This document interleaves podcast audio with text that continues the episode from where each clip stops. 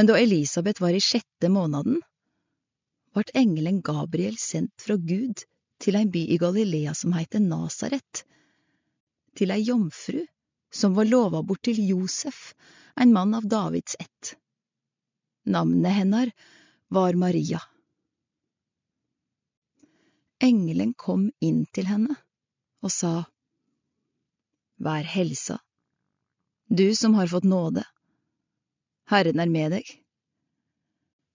Ved disse orda vart hun forskrekka og undrast på hva denne helsinga skulle tya.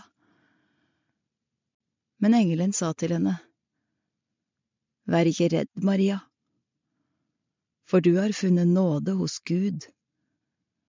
Hør, du skal bli med barn og få en sønn, og du skal gi ham navnet Jesus.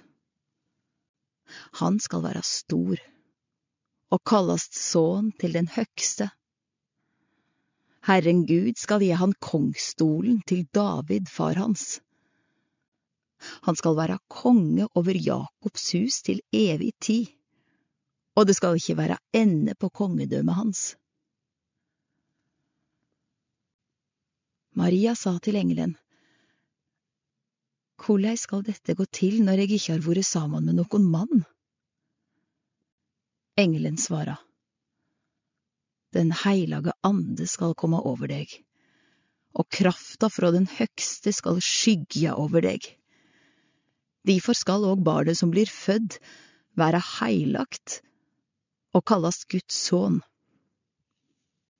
Og høyr, Elisabeth, slektningen din, venter ein sønn ho òg, på sine gamle dager. Hun som de sa ikke kunne få barn, er alt i sjette måneden.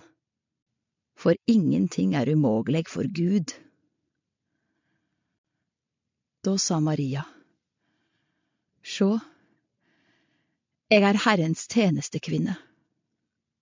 La det gå meg som du har sagt. Så forlet engelen henne.